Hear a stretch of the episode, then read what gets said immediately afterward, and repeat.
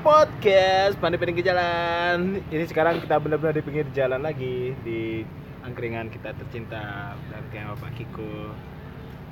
Gimana nih kabarnya kalian berdua di CL sama Yoga? Sangat baik, sangat luar biasa. sangat baik di su- di suasana yang Sedikit dingin. kemarin-kemarin hangat karena tadi pagi sudah mulai ada Panas. Akhirnya keraguan terjawab. Iya, jadi sekarang udah dingin lagi. Dingin membayangkan puncak. Uh, calon kuat, calon kuat. Calon kuat. Ya kita langsung aja ya. Ini Excited mau- sekali kayaknya nih sekarang. Iyalah semangat baru. Ini kita sudah menemukan kapten kapal kita, jadi kita harus sedikit semangat di musim ini. Eh, dan Karena kita sudah lelah untuk menebak, jadinya kita menunggu. udah digocek juga. Setelah sekian kali prediksi kita digocek. sudah mulai ini. Gocek, kita buat sebuah asumsi gagal, nggak jadi upload. Nggak jadi upload. Buat lagi, kena gocek lagi. Mending kita nunggu resmi. Makanya kita udah gitu ya. ya. Karena kecewa. Karena Digocek terus. sudah sok tahu lagi. Tapi sekarang sudah mulai gini beranjak ke permainan otak-atik formasi. Wey. Tunggu dulu, tunggu dulu. Kita mulai dari mana ini? Tunggu dulu. Kita ngomongin apa? Nanti banyak yang berasumsi berbeda. Ngomongin gini kan, ngomongin ceret. Nanti banyak yang salah tafsir dengan omongan kita. Eh, kita mulai dari mana ini berarti? Kita mulai dari review tempat kita nih. Ada sedikit perbedaan di sini. Ya, nah. Sebenarnya dagang bunganya mulai bangkrut. tergeser oleh angkringan Hijau-hijaunya sudah mulai sedikit. Kemudian eh, sekarang sudah ada power outlet lebih banyak. Dulu kan nggak ada. Dulu nggak ada. Dulu harus bawa power bank. Atau nggak nitip. Kita mulai dari mana nih beli beli CL? Mulai dari gosip-gosip transfer aja dah Apa mah lagi dibahas ya? Kenapa kita nggak membahas fakta transfer aja? ya maksudnya gitu fakta transfer fakta transfer terupdate Terupdate kan yang tadi pagi berarti. ya mulai dari tadi, tadi pagi Apa berita tadi pagi? Ini seharusnya kita ketinggalan banyak banget mulai yang dari dari luar Bali banyak banget beritanya mulai dari luar Jawa juga banyak banget yang paling mengejutkan itu datang dari PSM yang eh, minggu lalu ya apa berapa hari yang lalu ya kalau nggak Beberapa salah ya? hari Berapa kalau hari yang salah. lalu tiga hari, yang Tiga lalu. hari Tiga sebelum uh, pelantikan. ya, Pelantik. pelantikan peresmian ya, angkatan ini Abri Abri Kemarin kan baru CPNS calon pelatih nas- calon pelatih negeri. CPNS kalau pelatih PSM CPSM CPSM. Eh, ini Rene Albert ini, coach Rene Albert mengundurkan diri dari PSM Makassar dengan alasan kesehatan. kesehatan. Dengan alasan kesakitan. Kesehatan. kalau sehat dia nggak mungkin mundur. Ya alasan sakit. kesehatan, kalau kesehatan doang kan itu bidang pendidikan. Oh. Alasan kesehatan. Alasannya apa? Karena nggak sehat gitu kan. Oh. nggak sehat dua musim di PHP terus remuk hatinya Anda kayak Anda ya. YWS Dan katanya eh, dia mau beristirahat sekitar tiga bulan kalau nggak salah Hmm. tadi sempat lihat ada pernyataan dari coach Nah, gini resmi dari akun eh, Instagramnya. dari, dari coach Rene Albert. Mau istirahat tiga bulan terus mungkin setelah itu baru beraktivitas lagi. Atau juga atau mungkin ke olahraga mana, dulu. klub mana dulu gitu. nah, enggak aktivitasnya kan olahraga dulu. Olahraga jadi pelatih.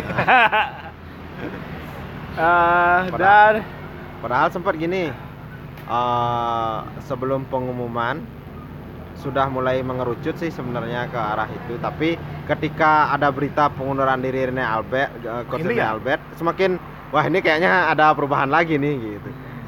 uh, dulu sempat menduga mungkin coach Rene yang akan jadi kandidat kuat tapi setelah diberitakan akan bertahan jadinya wah kayaknya bukan tapi kemudian mundur lagi wah kayaknya nengol lagi di PHP bener-bener Dan ini juga salah satu yang menggocek kita ini dengan salah satu nama yang dari kemarin-kemarin kita sering gemor-gemorkan malu saya yaitu Dejan Antonik yang memutuskan untuk berlabuh menangani Los Galacticos di musim mendatang yaitu Madura United. Madura United. Gimana nih rasanya digocek? Amin dua ya duluan Ya. ya meresmikan ya eh, eh. nyari nyari start duluan Madura United ya tapi Madura United eh, dengan apa namanya dengan diresmikannya De, coach Dejan Antonik juga seperti membenarkan bahwa sekuat yang kuat ini memang harus dilatih oleh tim eh, pelatih yang kuat. Jadinya target juara memang sepertinya benar-benar diusung oleh Madura United di musim depan nih. Hampir berbanding terbalik dengan tim-tim yang kemarin di atas.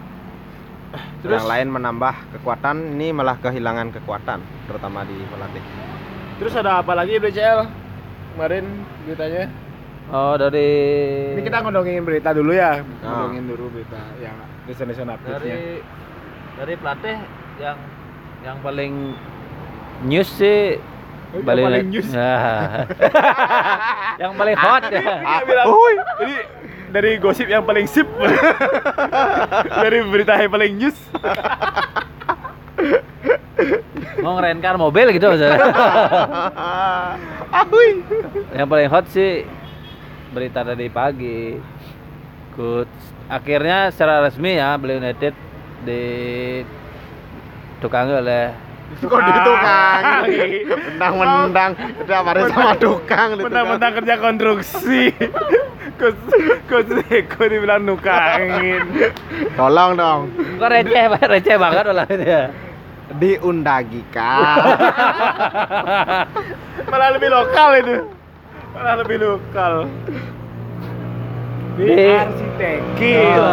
Nah, di anda kan anak arsitek. Buat gambar lapangan bola ya gitulah ditukangi diundangi dan diarsitek oleh Coach Teko Cugura Teko Gimana? Berarti eh, menurut BCL pribadi itu udah sesuai perkiraan nggak selama ini? Enggak sebenarnya Ah, jujur sejujur jujurnya. Eh, kalau condongnya sih eh, ke si Simon. Dejan sebenarnya Oh, berarti ya Tapi kan- pertama itu kena. tapi masuk juga kan gini artinya radar gitu salah satunya Teko Memang masuk di lima kandidat awal yang dibilang ya. Heeh, masuk. Tapi sempat memudar ketika diberitakan coach Tiko itu Bertahan. bertahan perpanjangan kontrak Ya. yang katanya itu hanyalah statement dari statement gocek mungkin kayaknya dari Persija Mm-mm. dan bahkan eh, faktanya coach Teko memang tidak ada perpanjangan kontrak sejak kontraknya berakhir 31 Desember. Ya. Jadi semenjak itu di bawah tangan, di bawah pengetahuan kita, Coach Teko dan manajemen Bali United sudah pasti sudah menjalin komunikasi. Iya. Komunikasi Heeh. berarti ya memang cuma kita aja nggak tahu. Emang kita digocek Ini bukan keputusan baru kemarin malam kok. Jadi Tapi- sebenarnya eh, yang kemarin kita kan sem- sempat santai nih beritanya bahwa Kuteko ini memperpanjang kontrak dengan Ah. Persija kan. Ini sepertinya mungkin ya eh, si Persija ini bukan.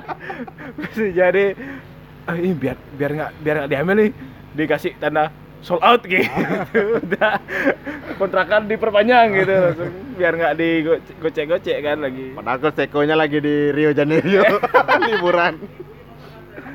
Sebenarnya ada upa, mungkin upaya untuk eh upaya men, mendefensifkan gini. Ya tapi ini salah satu apa namanya pernyataan resmi dari itu termasuk resmi kan karena yang bilang adalah manajer dari Persija Jakarta kan. kalau nggak salah ya Heeh. tahu nggak tapi memang beritanya seperti itu. Oh, gitu? Oh, beberapa media yang kredibel juga memberitakan bahwa eh, apa namanya? eh, akan diperpanjang oleh Persija Jakarta. Tapi mungkin yang lupa adalah sedang diusahakan diperpanjang. Mungkin itu yang sedang yang lupa ditulis oleh gini. Apa namanya? Eh, keseriusan dari manajemen Persija untuk untuk mencoba mempertahankan Teko berarti memang Teko ini adalah salah satu andalan yang ingin eh, digunakan oleh Persija di mengarungi liga musim depan dan juga AFC AFC Ya. Champions League Jadi dengan adanya statement resmi ini berarti otomatis kedua tim yang nanti mewakili Indonesia di kancah internasional otomatis diarsiteki oleh pelatih-pelatih baru untuk musim musim depan ya. Berarti gibah kita berganti sekarang karena sudah menemukan kepalanya Persi eh, apa namanya Bali United. Sekarang kita menggibahi PSM sama Persija ya. Ini kayak eh, Tapi klub-klub di Persija udah kan udah resmi Oh, Ivan juga Kolab. Eh, udah. saya lupa. udah ditunjuk Ivan Kolab. klub-klub yang eh, bertiga ini yang si i- i- sekarang PSM kan belum belum punya gini ya. Iya. Yang baru-baru ini dari peserta Liga 1 yang sudah yang belum resmi memiliki pelatih tinggal PSM, Bayangkara sama Persipura. Hmm. Perseru juga kayaknya belum. Itu di sana ada. Di sini sih Cairul, tapi belum kayaknya kayak belum? Cairul. Temannya Casmul. Cak. Eh Cak tuh gini tuh katanya pakai gini guna-guna. Apa sih? Makanya laris gitu. Lagi yang nggak tahu Casmu itu adalah Chinese food halal yang sangat ramai di sini. Tapi kalau dibungkus bawa pulang nggak enak katanya. Hah? Yang enak tuh justru kalau makan di situ gitu. Iya lapar soalnya sampai rumah nggak lapar lagi. Ya kan berarti pintar ngeracik kan Cak Asmo?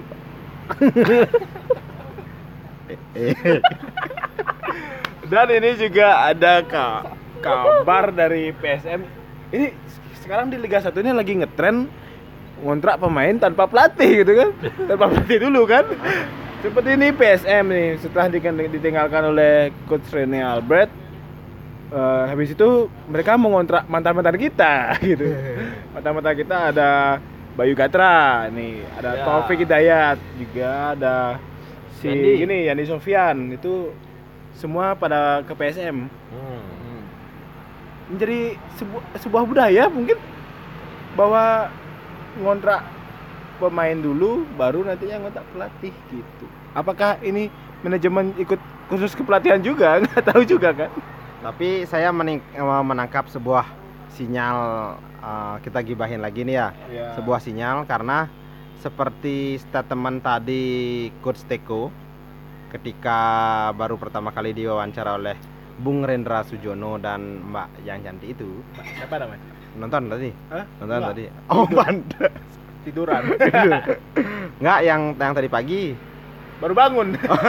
Oh ya ya. ya kan? Akan Teko, Coach Teko. Teko. Kan ya. nonton MU kemarin. Oh, Coach Teko kan menang menang satu kosong. Oh Mbak Intan namanya lupa. Kan coach kan coach Teko bilang bahwa pemain yang ada sekarang memang sudah dikomunikasikan oleh coach Teko dengan manajemen. Hmm. Jadi ini bukan asal-asalan manajemen untuk merekrut. Nah, saya menjadi berpikir bahwa gerbong pemain yang Bali United mantan main Bali United yang ke PSM, apakah ini menjadi tanda bahwa jangan-jangan jangan-jangan Tidak direkomendasikan oleh Teko. Tidak dibutuhkan. Anda semakin malam semakin tidak fokus Anda. Bu Soma.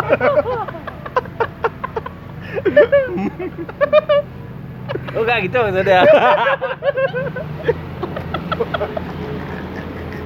Iya iya iya. Kita lagi gibah tentang PSM malah dibelokkan tentang Kosteko. Tidak ada hablumnya, tidak ada hablumnya. Tidak ada hablumnya.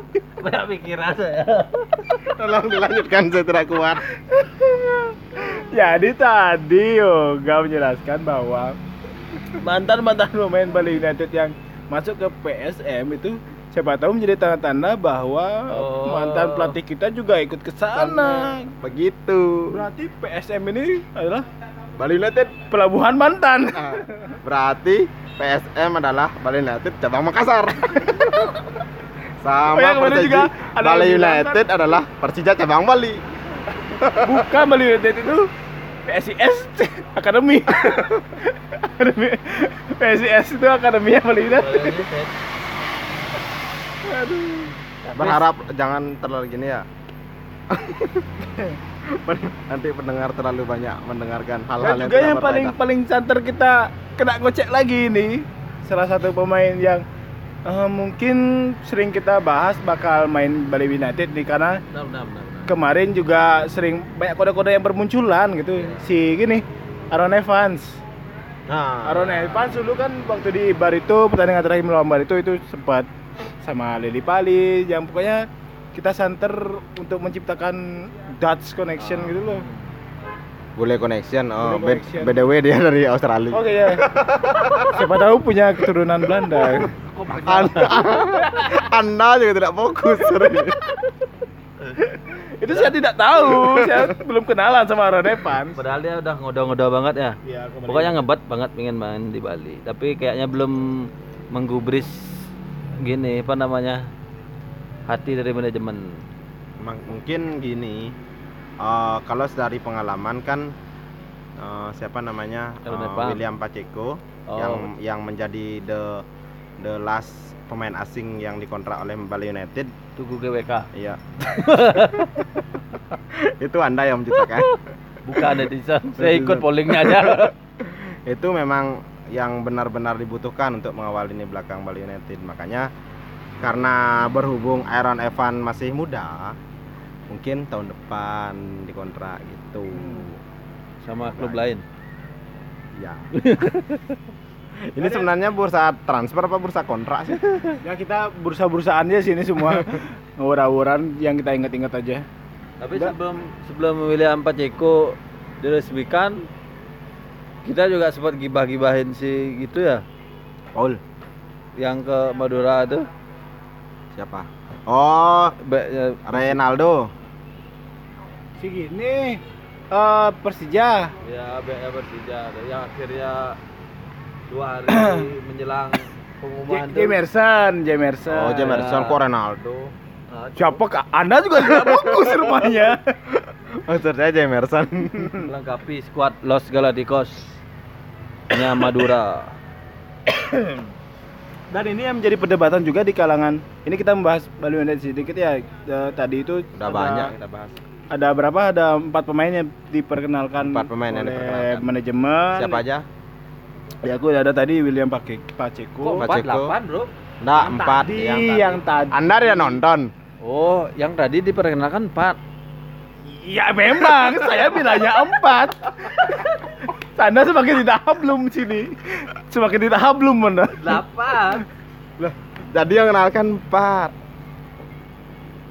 yang, dikenalkan secara tadi itu langsung yang secara langsung Oh. kan delapan yang Yang baru baru empat Yang datang tadi berapa? delapan Yang datang Tadi, delapan tadi waktu perkenalan. Anda nonton nggak? Ya kan delapan semua pemain baru datang kecuali Gunawan Dwi Cahyo kan Anda tidak nonton.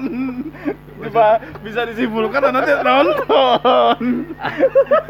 Karena tadi yang diperkenalkan itu empat pemain plus satu teko. kan kau kan tadi pagi, karena tidak nonton. oh yang tadi yang tadi siang baru semua itu maksudnya Oke. Ya, ya, ya. terserah anda, terserah anda. itu yang tadi, yang tadi diumumkan empat pemain baru, rekrutator baru ada Gusti Sandria, William Pace- Pacheco, terus ada yang kemarin juga diperdebatkan ada Gunawan Dwi Cahyo, dan ada terakhir ini Leonardo Pamahu dari Borneo FC. Dan jadi perdebatan itu, ini Leonardo ini kan bukan pemain muda gitu. Berapa umurnya? Leonard. 30-an ke atas kalau nggak salah. Hmm. Dan juga di kalau nggak salah juga sempat saya cek IG-nya eh, Leonard itu dia katanya ditawarin jadi asisten pelatih di Borneo Sebelum ke Bali United. sebelum ke Bali United tapi eh, dia menginginkan tantangan baru mungkin di akhir-akhir karirnya dia gitu yang jadi perdebatan tuh apa yang bisa di, di eh, dikontribusikan oleh seorang Leonard gitu Leonard Tupamahu. Soalnya tadi cukup banyak komen-komennya waktu di live itu ini kenapa kok pemain yang tidak udah tidak muda lagi di- dikontrak. Soalnya trauma kan sempet sama siapa kemarin tuh yang pemain gini yang dikontrak itu. Ah yang pemain timur yang dikontrak sama Bali United yang nggak pernah main tuh. Siapa nih Biri? Biri. Ya Imbiri. Yang kayak gitu kan contohnya itu kan Imbiri kan su- sudah sangat berusia itu. Jadi kontribusinya juga sangat cukup minim di tim gitu. Itu yang ditakutkan mungkin ya mungkin. Tapi kita kan nggak nggak gini. Tapi dari susunan pemain-pemain baru yang diambil oleh Bali United sendiri sih lebih banyak ke Pemain belakang. pemain belakang. Mungkin berkaca dari musim kemarin ini yang yang apa? adanya terpaan badai cedera Ya. Yang Mulai- Ah, mulai dari pemain inti sampai pemain cadangan pun bertubi-tubi di dihantam cedera mungkin ini juga yang menjadi pertimbangan dari apa namanya dari manajemen dan dan dibarengi gini juga pemanggilan timnas. Ya ada juga beberapa pemain yang dipanggil timnas. Dan mungkin karena di sektor belakang itu ada beberapa pemain yang eh, didominasi oleh pemain muda seperti Andika, seperti Dalan Ahmad Doke, Agung, Dalandoke, Fajrin, Fajrin, Junius juga. Kehadiran pemain senior ini juga bisa memberikan suri teladan kepada mereka mentor ya jadinya. ya mentor. Itu juga yang mungkin tadi sempat disampaikan oleh coach Teko dan Pak Yabes sendiri. Artinya eh, regenerasi ini diharapkan berjalan sinergi. Be- walaupun coach Teko sendiri tidak tidak akan membedakan pemain bintang ataupun non bintang pemain muda ataupun pemain senior tidak membedakan tapi peran pemain senior ini mungkin dia lebih krusial untuk pemain muda selain memberikan eh, pengalaman juga bisa memberikan eh, gini perkuatan pada tim itu sendiri gitu. Apalagi eh, musim ini Bali United akan mengarungi dua kompetisi. Di mana eh, eh, rotasi pemain benar-benar dibutuhkan. Jika sekuat timpang antara tim cadangan dan tim inti, itu akan menjadi masalah besar kan bagi kita. Hmm. Tapi kalau kita melihat dari komposisi pemain belakang dari enam pemain belakang yang ada itu hanya maksudnya enam pemain belakang di center back ya terutama center back nih karena kebanyakan rekrutmen tadi itu ada tiga center back kan Hmm. itu hampir Empat. setengah- empat center back ya yang tadi ya berarti Leonard, Paceo, Gunawan sama si sama Nur ya si Nur pemain PSIS kan. Ya. Hmm. Oh.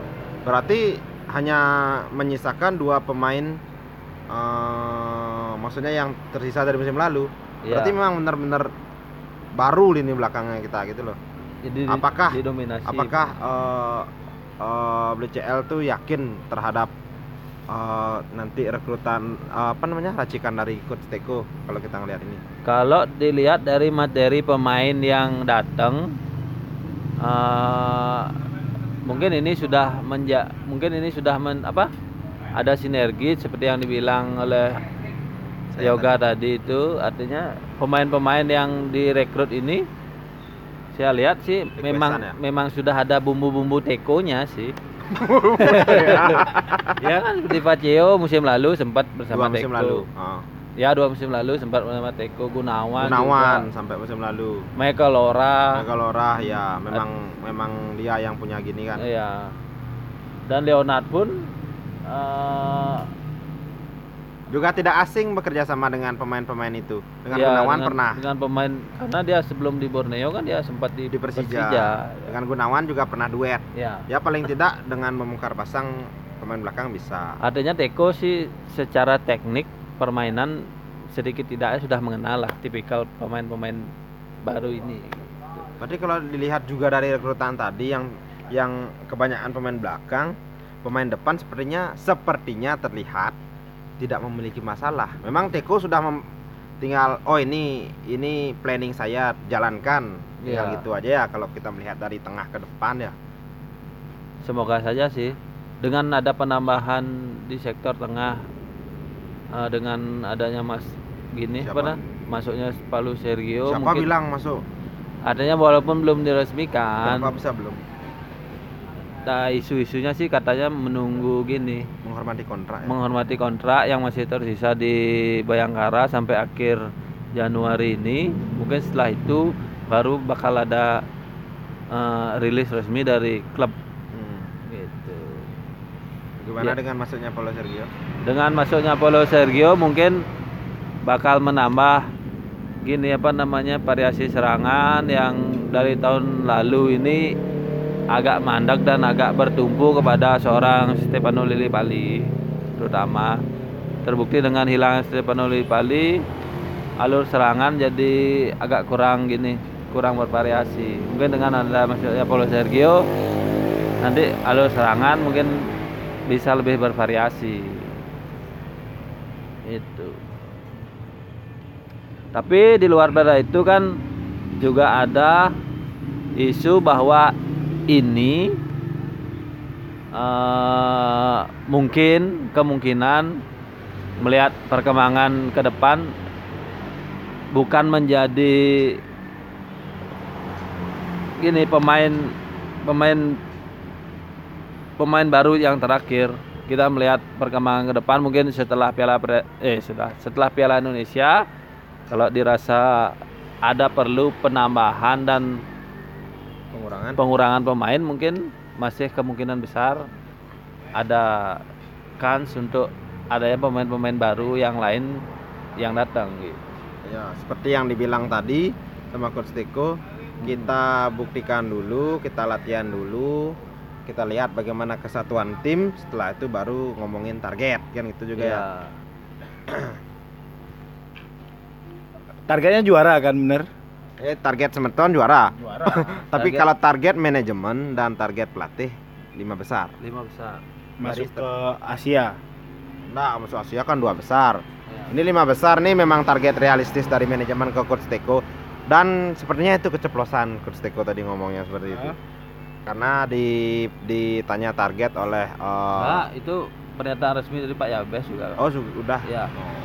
Karena di awal apa eh, mengawali dengan pelatih baru ini Pak Yabes ini tidak tidak mau dengan janji yang terlalu muluk, tapi yang realistis menurut istilahnya manajemen gitu. Karena dengan adanya komposisi walaupun eh, secara dominan hampir 70% pemainnya masih yang lama gitu. Dengan adanya nakoda baru dan ada penambahan pemain baru, penyusian itu mungkin akan eh, memerlukan waktu. Jadi untuk musim ke depan target dari manajemen yang realistis adalah ber- bercokol di lima besar. Jadi bukan papan atas. Kalau papan atas kan 1 sampai 8 gitu saya dengar. 1 sampai 8, tapi targetnya adalah lima besar. Satu sampai delapan, delapan sudah mediocre itu. Bukan delapan atas sama itu berarti berarti ada dua gini ya dua klasemen itu pak atas sama bawah gitu doang ya. 19 bagi dua itu. Heeh.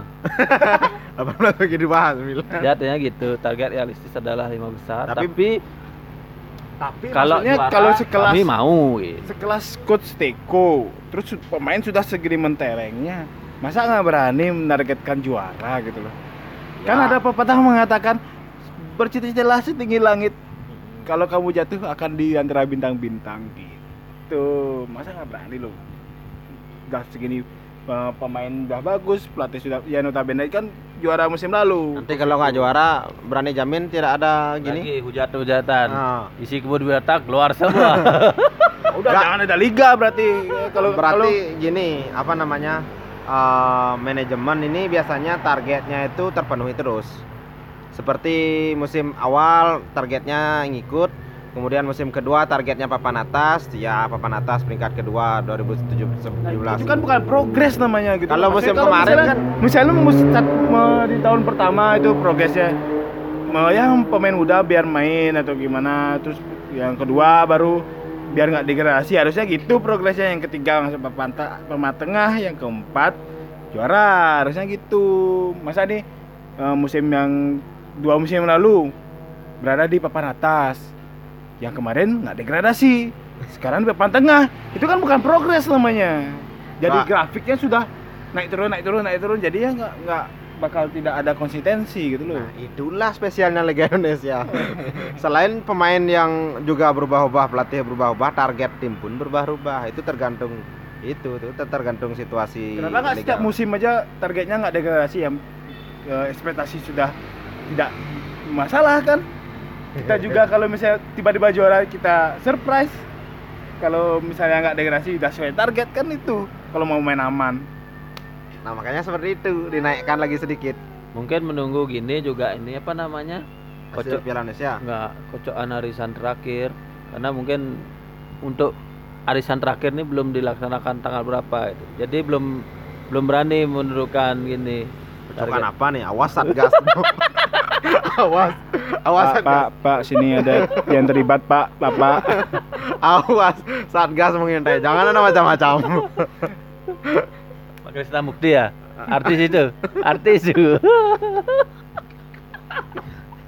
Hati-hati, hati-hati. Intelijen di mana-mana. Tiba-tiba bisa menyamar menjadi tukang ojek. Jadi apa kon- konklusi diskusi kita malam ini? Tidak ada. Konklusi kita adalah kita dikejutkan oleh pemain baru, pelatih baru rasa tebakan dan target baru. Ya, Apakah kita akan digocek juga dari target-target ini nanti ya? Kemarin. Seperti yang dibilang tadi, target manajemen jarang meleset. Jadi sepertinya Nah, memang kalau masuk. kalau dari yang kemarin juga padahal kita targetnya sudah serendah mungkin nggak degradasi tapi, Tapi kan sesuai ada target. juga terus ada netizen apa nih dengan pemain kayak gini kok targetnya nggak cuma degradasi ya Tapi- cing gitu. Tapi eh, melihat pemain-pemain yang datang tadi juga tidak tidak sedikit netizen yang gini apa namanya mengeluarkan Kebun binatang. rasa-rasa tidak puasnya dengan gini pemain-pemain yang didatangkan oleh manajemen. Kalau dari beli yoga sama beli duit seperti apa melihat pemain-pemain yang sudah didatangkan oleh manajemen? Apakah sepertinya bakalan bisa mengangkat prestasi dari Bali United dari Pakai skor dong, pakai skor. skor Ya, kalau penilaian secara eh, apa namanya opini kan bisa pakai penilaian pakai skor dong. Skor 1 sampai 5. Transfernya tuh berapa gitu. Oh gitu. Ah. Ya langsung aja dah. Kalau 1 sampai 5 saya kasih nilai 4. Oh, empat. Hampir sem- bagus tapi tidak sempurna. Oh, Karena- sampai lima ya. Ya, 1 sampai Oh. 5 saya kasih nilai 4. Karena ya seperti yang dibilang tadi, mungkin Paulo Sergio udah hampir kan. Itu memang benar-benar menambah nilai sampai 3. Yang satu nilai itu bertambah dari hadirnya pemain belakang yang mungkin juga seharusnya ada beberapa pemain yang yang sepatutnya ada di belakang tapi terlepas. Seperti yang kita bilang eh, pemain-pemain veteran yang masuk tadi mungkin kalau bisa diganti dengan pemain yang Lebih mudah. Ah, lebih muda dan berpengalaman tapi lebih muda itu aja sih. Tapi kalau memang dari komposisi pemain belakang yang direkrut dan penambahan satu pemain star di depan, tuh Depan. memang benar-benar menurut saya sesuai kebutuhan dari coach Teko. Hmm. Tuh. Kalau dari beli duit lihat komposisi pemain yang didatangkan Em, skornya kalau dari yoga Udah puas? 4 kalau saya sih tiga setengah biar beda aja. Hah? Biar beda aja. Kan. Karena dari semua pemain itu yang saya permasalahkan justru yang tadi itu target ngapain harus targetnya di papan tengah dengan pemain seperti itu ya itu itu, Papan itu. atas. Katanya satu sampai 8 itu kan sudah range-nya se- Enggak. Satu sampai lim- lima besar. dia bilang sampai 8 Ah, dia tidak fokus ternyata. Jam 12. Beli mau sama. Kita minum apa? Nah, minum dulu, minum dulu. Ternyata kita semua kena sindrom tidak fokus ya.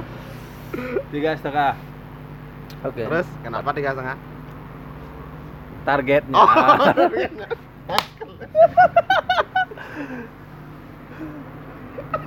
Jadi kalau menurut beli yoga sampai beli duit dengan sudah adanya beberapa pemain baru yang bergabung, apakah perlu lagi ada penambahan pemain di sek ataupun eh, tidak ataupun kalau perlu di sektor apa yang kira-kira perlu ditambah lagi Eh, pemainnya? sektor penjaga gawang tadi nggak dibahas.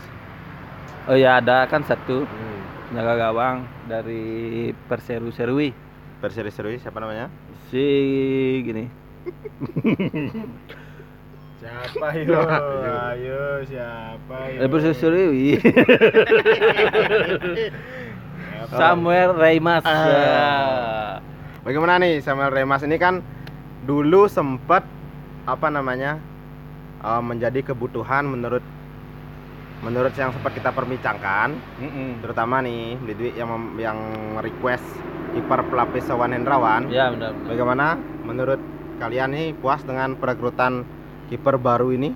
jadi gibah-gibah kita sebenarnya didengarkan oleh para-para manajemen di sana wow Ya, saya masuk kan pada segi itu. Oke. Dia doang enggak? Dia doang. Dia doang enggak tuh? Ya. Anda makanya Pak Ceo kan masuk Ah. Oh iya. Iya. Eh, Pak Center masuk. apa tapi kalau dari statistik musim lalu berbicara lumayan mentereng Remas ya. ya lumayan mentereng dengan usia yang masih relatif relatif muda 26 tahun 26 tahun dari usia emas. Heeh. Eh, kemarin bermain sebanyak 25 match dengan dengan statistik save per game 3,52 ini Gimana artinya tuh? bagus lebih bah, bahkan lebih lebih bagus dari Wawan Wawan eh, save per gamenya 2,7 Berarti setiap pertandingan eh, dia membukukan 3,2 penyelamatan. ya Yang artinya Perseru-serui lebih sering ditekan oleh musuh. Nah, terus dari segi clearance pun dia mencatat 1,24 Nah, clearance. jadi kalau kita melihat datangnya pelapis Wawan Hendrawan ini, apakah berarti akan menggeser posisi dari Diki Indrayana dan Raka? Kemungkinan karena Raka ini juga seperti yang di- tadi dibilang ya di press conference kan Saya kelihatan nggak nonton ya. nggak sih gitu. Eh, Raka ini tergolong kiper yang masih muda, berusia 18 tahun. Jadi mungkin untuk menanggulangi jam terbang yang minim yang didapat di tim senior, Raka ini bisa di yang dialihkan ke tim Bali United U19 juga bisa nanti yang berkompetisi di Bali United U19 eh apa Liga 1 U19 musim depan. Tapi untuk Diki sih kalau saya sen- saya sendiri sih condong agak agak kecewa dengan gini apa namanya?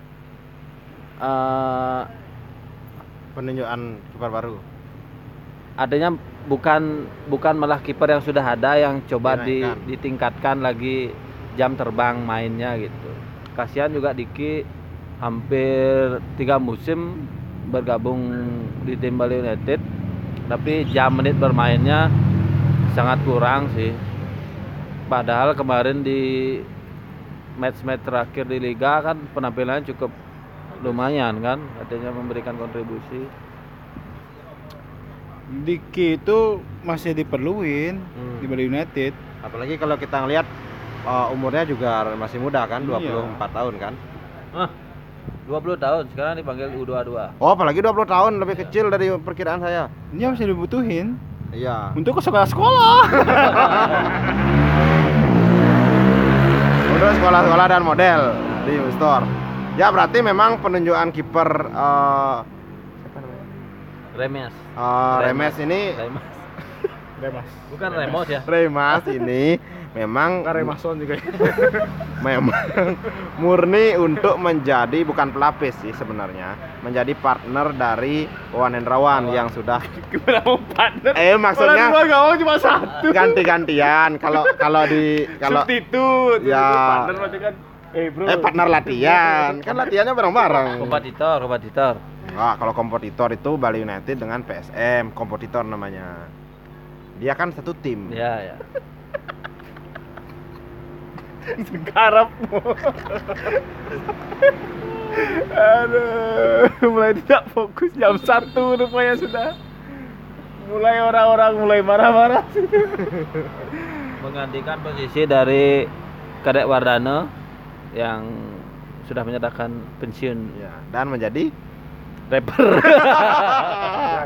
Kalau besok eh, kalian mau ke Ubud, kontak aja beli kontak kadek. aja beli kadek, diajak jalan-jalan. Jalan-jalan keliling Bali. Terus ada tim lain, apakah ada pergerakan lagi yang mungkin wah seperti Bali United yang tiba-tiba menyimpan amunisinya dan kemudian ditumpahkan sekalian tadi. Ada gini, apa namanya? Persib Bandung yang merekrut tiga sekaligus Oh iya, perekrutan Trio Bali PSM, eh, Oh. PSMS. Bagaimana itu termasuk rekrutan bintang 1, 2, 3 atau bintang berapa? Kalau di PSMS sih kemarin itu termasuk tim inti ya. Hmm. Tapi sayang karena PSMS mungkin ada di kelas eh, kedua. klasemen bawah jadi makanya agak kurang terlihat gini apa namanya bintang dari pemain-pemain ini sama sih seperti si Remes nih kan Perseri juga lebih banyak berkutat di zona degradasi kemarin jadi padahal Tidak secara, menjadi highlight gitu ya. secara statistik kan lumayan nih kiper gitu Apalagi nih yang saya ingat nih Fred Butuan ini main kenceng mainnya. Iya, Fred Ya. Butuan nih sering ngacak-ngacak pertahanan. Duet di sayap sama Fe- Febri siap-siap aja itu. Gini, Kiri kanan kencang. kiri kanan kenceng gitu. Di tengah tambah Fiskara Lovicic Iya. Wah, mantap. Mati lah itu. Tenang. Jadi, bisa dibilang Persib akan serius mengejar gelar juara nanti Hmm. di tahun baru. Pelatih baru, pemain-pemain baru. Targetnya gimana? Target Persib? Kalau Nah, Persib sih biasanya pasti juara, pasti targetnya pasti juara Ya. kan. Harus. Kakaknya harus lebih targetnya lebih tinggi pada adiknya gitu. Terus, Terus? ada apa lagi? Ada si gini yang kemarin sempat eh, tanpa klub juga si Teja Pekolam yang sekarang masuk ke Semen Padang. Pemain Padang Semen Padang tim promosi dari Liga 2. Karena gini mendatangkan mungkin ya karena Sriwijaya juga degradasi, Ah. jadi eh, Teja Pekolam memilih untuk berta maksudnya mencari klub di Liga 1 Iya. gitu. Kebetulan Karena- Semen Padang juga promosi ke Liga Ah. 1 jadi membutuhkan amunisi yang bisa membuat mereka bersaing di Liga 1. Apalagi Teja Paku Alam juga eh, memang dari junior berada di Palembang. Ya. Kemudian eh, setelah menjadi apa namanya di junior Sriwijaya naik di tim senior, kemudian mungkin berat hati kalau Teja Paku Alam itu harus mengakhiri kontrak dengan Sriwijaya. Dan dia nggak nggak milih tim jauh-jauh deh. Dari Sumatera Selatan bergeser ke barat. Yang penting tetap satu pulau di Sumatera. Memang bagus sih soalnya dia kan masih muda nih. Jadi masih sangat perlu untuk pengalaman dan jam bermain yang tinggi di kasta tertinggi juga gitu. Nanti kan seperti yang sering dibilang sama gini BCL bahwa eh, muara klub itu adalah Degradasi. timnas. Ah. Timnas, bukan degradasi. dia kan nggak pernah bilang kamu nanti pelintir-pelintir coach-coachnya dia nanti itu kan muaranya di degradasi selain timnya dia. Terus ada juga ini berita transfer dari pemain lokal kita mantan Bali United hmm, si beli Gede Sugandana yang sudah Oh, iya. memastikan Kenapa kita tidak membahas pemain yang sudah lepas kontrak ya? yang sudah memastikan berlabuh ke tim Kalteng Putra. Datang Putra yang kemarin menargetkan Michael Carrick kan? Diko Purlan. Ya, Ibra dia- katanya Ibra Hah? nggak jadi Ibra Wayne Rooney nggak jadi Ibrar kemudian gede Sukadana Gede Sukadana. nggak dapat Wayne Wayne Rooney nyarinya Gede Sukadana yang sudah resmi berseragam Kaltang Putra satu tahun ke depan. udah katanya tadi makan babi guling terakhir ya Kasihan Bogita ya. kan udah beli koper baru katanya Anda ini tukang stalker.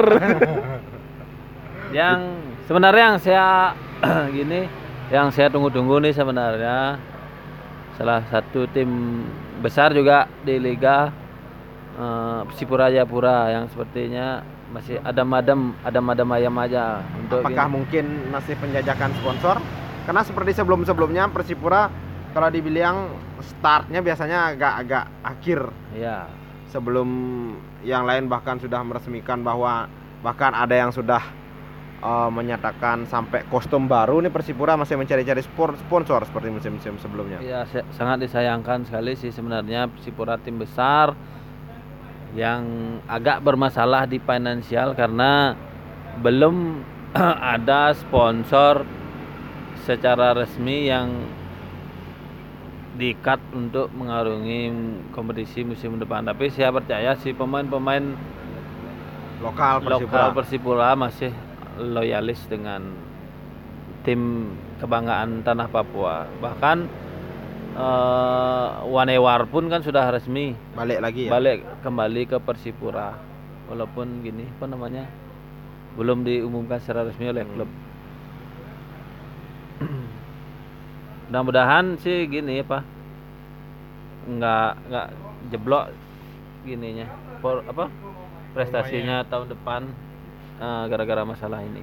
Tapi yang paling kita tunggu sih sebenarnya ya, ini yang paling benar-benar kita tunggu ini jadwal bro, jadwal liga yang kita perlukan sekarang. Ya kalau emang nggak ada liga kita nonton Piala aja, Piala Indonesia. di Indonesia. Oke. Tapi sampai sekarang juga belum ke- keluar ya yang di hari apa ada tanggal berapa keluar gini ya. Oh, udah udah. Tanggal 24. Sampai dari tanggal 24 sampai tanggal ini. Tapi kan Oh, tanggal bermainnya belum- Setelahnya belum, keluar jadwal bermainnya. Eh udah, udah udah udah keluar tanggal 24. Eh, udah ya? Leg pertama 24, leg kedua tanggal Bali main tanggal berapa? tanggal 24 Terus yang klub-klub yang lain kan udah keluar juga. udah keluar. Cuma next stage-nya yang belum kan? Untuk leg kedua Bali Tanggal tanggal satu. Tanggal 1. Tanggal 1 atau tanggal 2? Kan? Tanggal 2. Oh, tanggal 2. Tanggal 2 Februari di Dipta. Jadi Oh, weh. gue ke Gianyar. Ya udah ini udah jam 1 pas banget kita undur diri deh di sini. Ciao. Sen. Ciao, out.